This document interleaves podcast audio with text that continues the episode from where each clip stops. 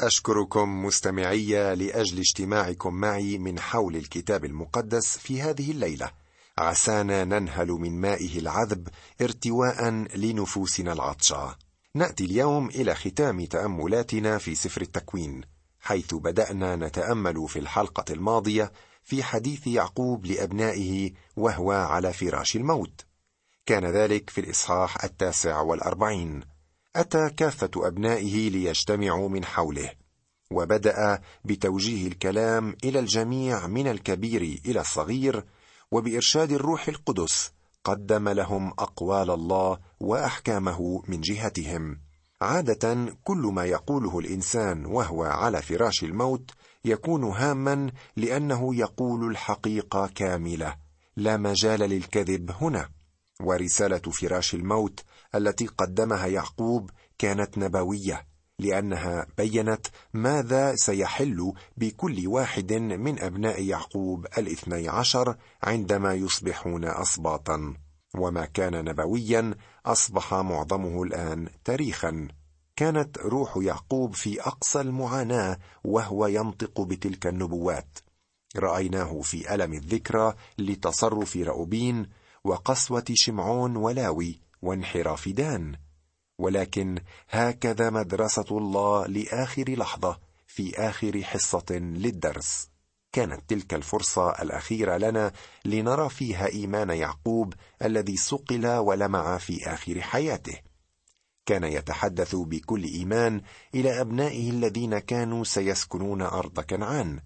مع أنه في ذلك الوقت كان الكنعانيون ما زالوا يسكنون الأرض وكان نسله سيستوطن في أرض مصر لمدة غير قصيرة من الزمن. يا له من إيمان فعلا. جزء كبير من هذه النبوات قد تم فعلا ليس على صعيد الجماعة فقط بل والاسباط كل على حدة أيضا. رأينا ماذا سيحدث لكل من الاسباط في الأيام الأخيرة. بعضها قد تم والبعض الآخر لم يتم بعد. طبعا لم نتطرق في درسنا إلا لرؤوس الأقلام. رأينا ماذا سيحل بأولاد ليئة راوبين شمعون لاوي ويهوذا ثم بأولاد الجاريتين زبولون يساكر دان جاد أشير ونفتالي. وسنرى اليوم النبوات التي تخص ابني راحيل يوسف وبنيامين. نقرأ من الأصحاح التاسع والأربعين من العدد الثاني والعشرين وحتى السابع والعشرين. يوسف غصن شجرة مثمرة غصن شجرة مثمرة على عين. أغصان قد ارتفعت فوق حائط فمررته ورمته واضطهدته أرباب السهام. ولكن ثبتت بمتانة قوسه وتشددت سواعد يديه. من يدي عزيز يعقوب من هناك من الراعي صخر إسرائيل من إله أبيك الذي يعينك ومن القادر على كل شيء الذي يباركك تأتي بركات السماء من فوق وبركات الغمر الرابض تحت بركات الثديين والرحم بركات أبيك فاقت على بركات أبوي. إلى منية الأكام الدهرية تكون على رأس يوسف وعلى قمة نذير إخوته. بنيامين ذئب يفترس. في الصباح يأكل غنيمة وعند المساء يقسم نهبا. يوسف غصن شجرة مثمرة. هذه آخر مرحلة وأسمى المراحل في نمو الحياة الروحية للمؤمن. الأغصان المرتفعة تضربها الرياح وتستقبل زخات المطر لكن الأغصان الكريمة تستقبلها بغير تبرم بل وتقابلها بمزيد من الثمار الغنية. كان يوسف قد ترك أرض كنعان ونزل إلى مصر ولكنه بقي شاهدا أمينا لله. بعد ذلك سيذهب ابناه أفرايم ومنسى إلى السامرة والتي كانت تدعى منطقة الأمم في زمن المسيح. الرب يسوع نفسه خدم في تلك المنطقة لا سيما مع المرأة السامرية عند البئر. أصبح ابنا يوسف إفرايم ومنسى سبطين مميزين لدرجة أنه من خلالهما انقسمت المملكة إلى قسمين. بركات أبيك فاقت على بركات أبوي. إلى منية الآكام الدهرية تكون على رأس يوسف وعلى قمة نذير إخوته. كان يعقوب هنا يربط يوسف والسبطين اللذين أتيا منه بالله الخالق والمخلص. لماذا؟ لأن أفرايم كما سنرى لاحقا قاد الشعب إلى عبودية الأوثان عن طريق الملك يربعام. بنيامين ذئب يفترس. في الصباح يأكل غنيمة وعند المساء يقسم نهبا. هذه نبوة غريبة تختص ببنيامين.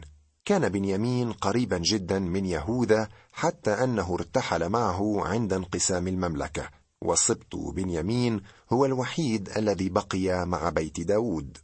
نقرأ الفقرة الأخيرة من الأصحاح التاسع والأربعين لنبدأ تأملاتنا في الأصحاح الخمسين والأخير من التكوين. جميع هؤلاء هم أصباط إسرائيل الاثنى عشر وهذا ما كلمهم به أبوهم وباركهم كل واحد بحسب بركته باركهم وأوصاهم وقال لهم أنا أنضم إلى قومي ادفنوني عند آبائي في المغارة التي في حقل عفرون الحثي في المغارة التي في حقل المكفيلة التي أمام ممرة في أرض كنعان التي اشتراها إبراهيم مع الحقل من عفرون الحثي ملك قبر. هناك دفنوا إبراهيم وسارة امرأته هناك دفنوا إسحاق ورفق امرأته وهناك دفنت ليئة. شراء الحقل والمغار التي فيه كان من بني حث. ولما فرغ يعقوب من توصية بنيه ضم رجليه إلى السرير وأسلم الروح وانضم إلى قومه. نرى أن موت يعقوب لن يكون النهاية لأنه سيكون مع شعبه. أراد أن يدفن جسده في الكهف الذي اشتراه إبراهيم. أراد أن يكون في تلك الأرض حتى يأتي اليوم الذي يقوم فيه هناك. لاحظ كم كان يعقوب يعرف عن تاريخ العائلة. لم يدون أي شيء. كان يحفظ كل الأمور بفكره وقلبه. لم يكن يهتم كثيرا أن يدفن بجانب ليئة ولكنه أراد أن يدفن في المكان الذي سيقوم فيه من الموت في المستقبل عندما يتمم الله وعوده. من أجل ذلك كان الموت في اعتباره أهم من الحياة. الحياة جعلت منه حبيس مصر. أما الموت فكان سينقله إلى كنعان حيث سيقوم مع أبائه. من المدهش أن نرى أن قدمي يعقوب كانتا على الأرض كل أيام حياته وحتى ساعة موته هذه. بدأ يعقوب حياته كرجل حسب الجسد. عند الولادة أمسك بعقب أخيه فدعي اسمه يعقوب. وقد عاش حسب هذا الاسم لفترة طويلة. كان يتمسك بكل ما يقع بين أيديه.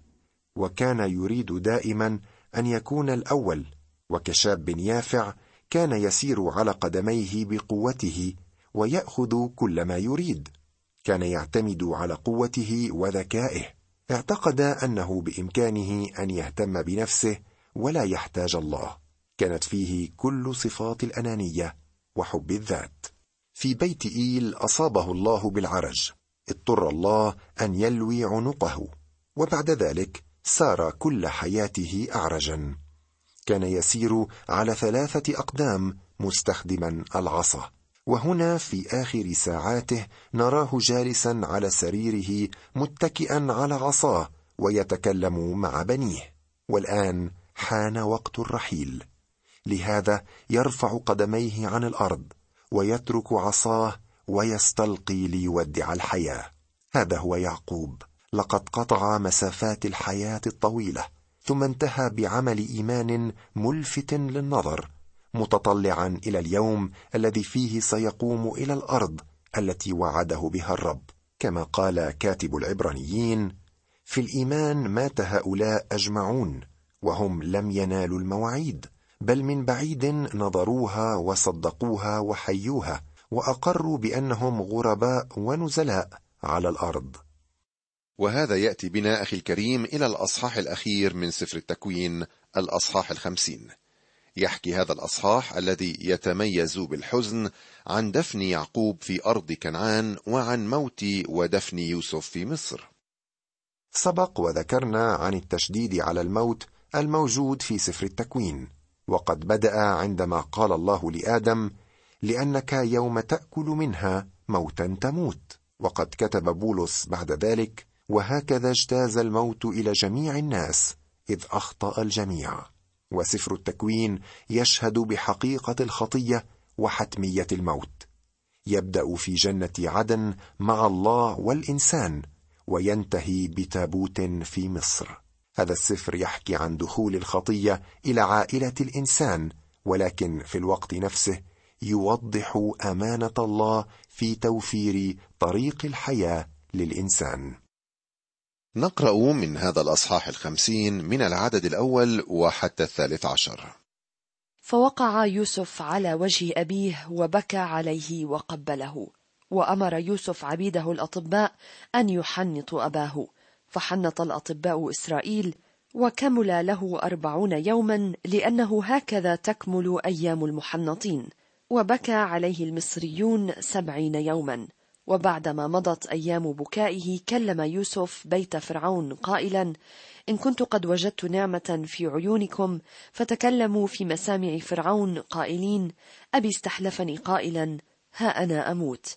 في قبري الذي حفرت لنفسي في أرض كنعان هناك تدفنني. فالآن أصعد لأدفن أبي وأرجع. فقال فرعون اصعد وادفن أباك كما استحلفك.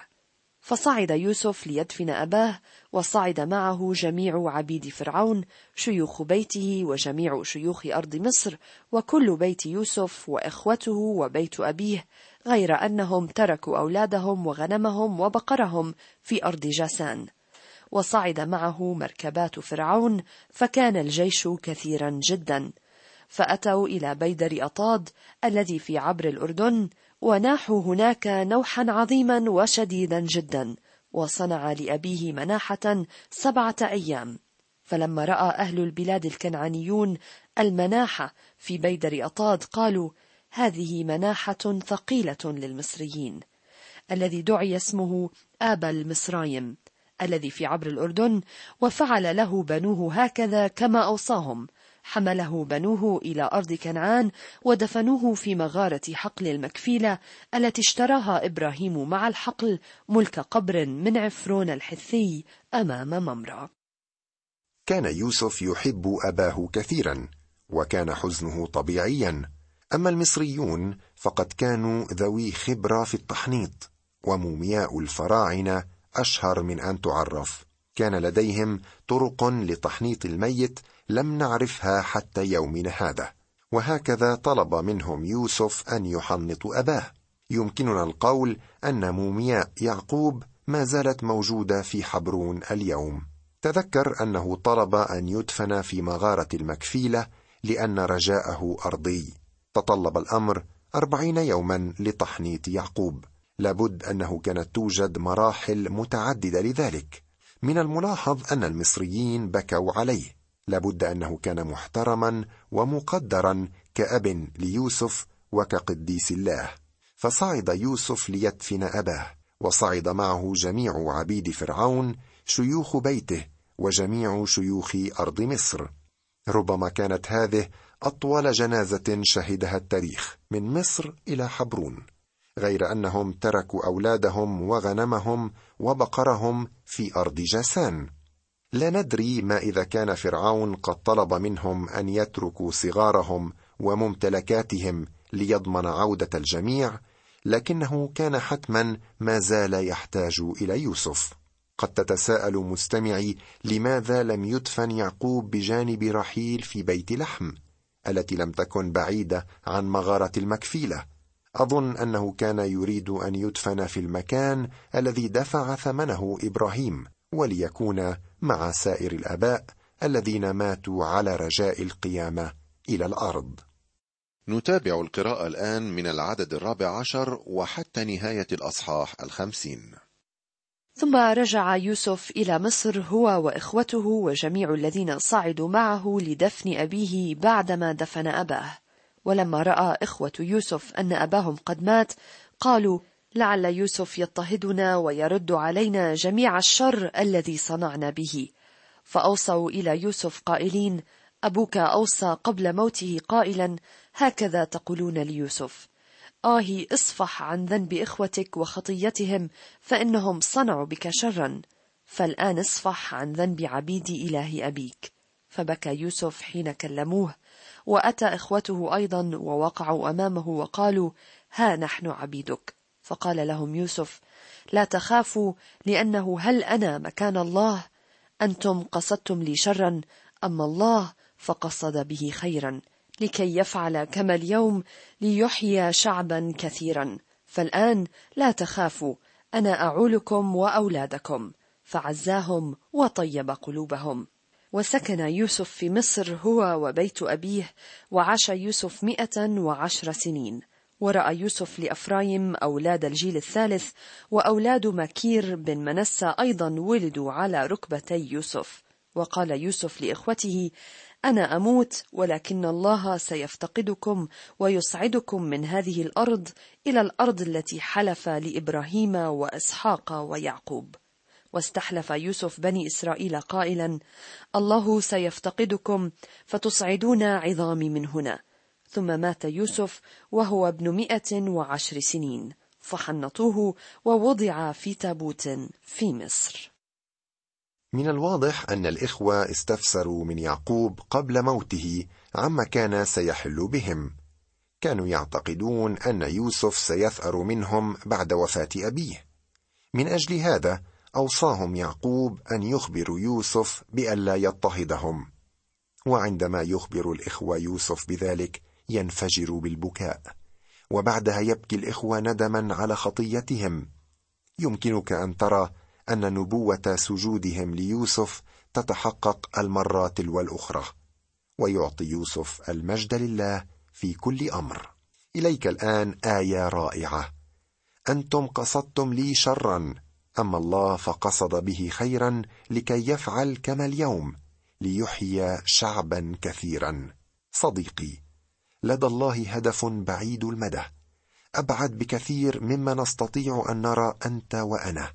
يجب أن أعترف أنه كثيرا ما يكون نظري ضيقا إذا صدفتني مشكلة. لا أرى أبعد من أنفي. وأتساءل لماذا سمح الله أن يحدث ما حدث؟ يجب أن نتأكد أن لله قصدا محددا من كل أمر يحدث مع أولاده. لا يمكن أن يدع أي شيء يحدث دون أن يتمم مشيئته الصالحة في حياتنا. وسكن يوسف في مصر هو وبيت أبيه. وعاش يوسف مائة وعشر سنين. ورأى يوسف لأفرايم أولاد الجيل الثالث. وأولاد مكير بن منس أيضا ولدوا على ركبتي يوسف. هذا يعني أن يوسف أصبح جدا للجيل الثالث. ثم مات يوسف وهو ابن مائة وعشر سنين فحنطوه ووضع في تابوت في مصر. هكذا ينتهي سفر التكوين. بدأ بخلق الله للسماوات والأرض وانتهى بتابوت في مصر. ماذا حدث للعائلة البشرية؟ دخلت الخطية متسللة إلى خليقة الله. لماذا لم يؤخذ يوسف ويدفن في كنعان؟ من الواضح أن يوسف كان بطلا في مصر ولا أظن أن عائلته كان بإمكانها أن تذهب بجسده من هناك في ذلك الوقت. أظن أنه كان واحدا من الآباء المدهشين الذين احترموهم المصريون وبجلوهم لربما رفعوا نصبا أمام قبره. لكن يوسف قال لشعبه عندما تعودون إلى كنعان لا تنسوا أن تأخذوا عظامي منها هنا. كان لديه نفس الرجاء الأرضي الذي كان ليعقوب أنه سيقوم إلى الأرض مع آبائه. يذكر سفر العبرانيين هذا كعمل لتتويج الإيمان في حياة يوسف. بالإيمان يوسف عند موته ذكر خروج بني إسرائيل وأوصى من جهة عظامه. وفي سفر الخروج الذي سنبدأ التأمل به في الحلقة القادمة سنرى في الإصحاح الثالث عشر كيف أكرم الله يوسف واستجاب لطلبته إذ أخذ موسى والشعب عظام يوسف معهم عندما تركوا مصر. صديقي المستمع رأينا في هذا الإصحاح يوسف الإنسان صفاته الشخصية ويوسف هو أكثر الصور جاذبية في سفر التكوين ففيه قدر كبير من ثمار التقوى وقوتها. فيه نجد صلابة السير في طرق الله فبرغم ما اجتازه من ظروف قاسية بقي في جميعها إنسانا لله يسلك في خوفه. إن تاريخه لم يكن مجموعة سقوط وقيام بل سبيل نور أشرق في وضوح وهدوء وثبات. لم تتدخل في حياته زيارات ملائكية ولا ظهورات للرب. ولا كان هو مستودع أقوال إلهية غير أننا نجده إناء استخدمه الله لأنه استحسنه كان في قلبه وروحه مطيعا لله. وهكذا ينتهي سفر التكوين سفر الخليقة سفر البدايات سفر طرق الله سفر الآباء. وقد رأينا فيه ظلالا باهتة لحقائق خالدة الكفاره والصليب الإيمان والدينونة الكنيسة والشعب الأرضي والنبوات. كما ورأينا الله في قداسته ومحبته وحقه وأعمال يديه وثمار روحه. تواعد معي في الحلقة القادمة أخي الكريم لنبدأ تأملاتنا في سفر الخروج. إلى اللقاء وليدم لك سلام المسيح.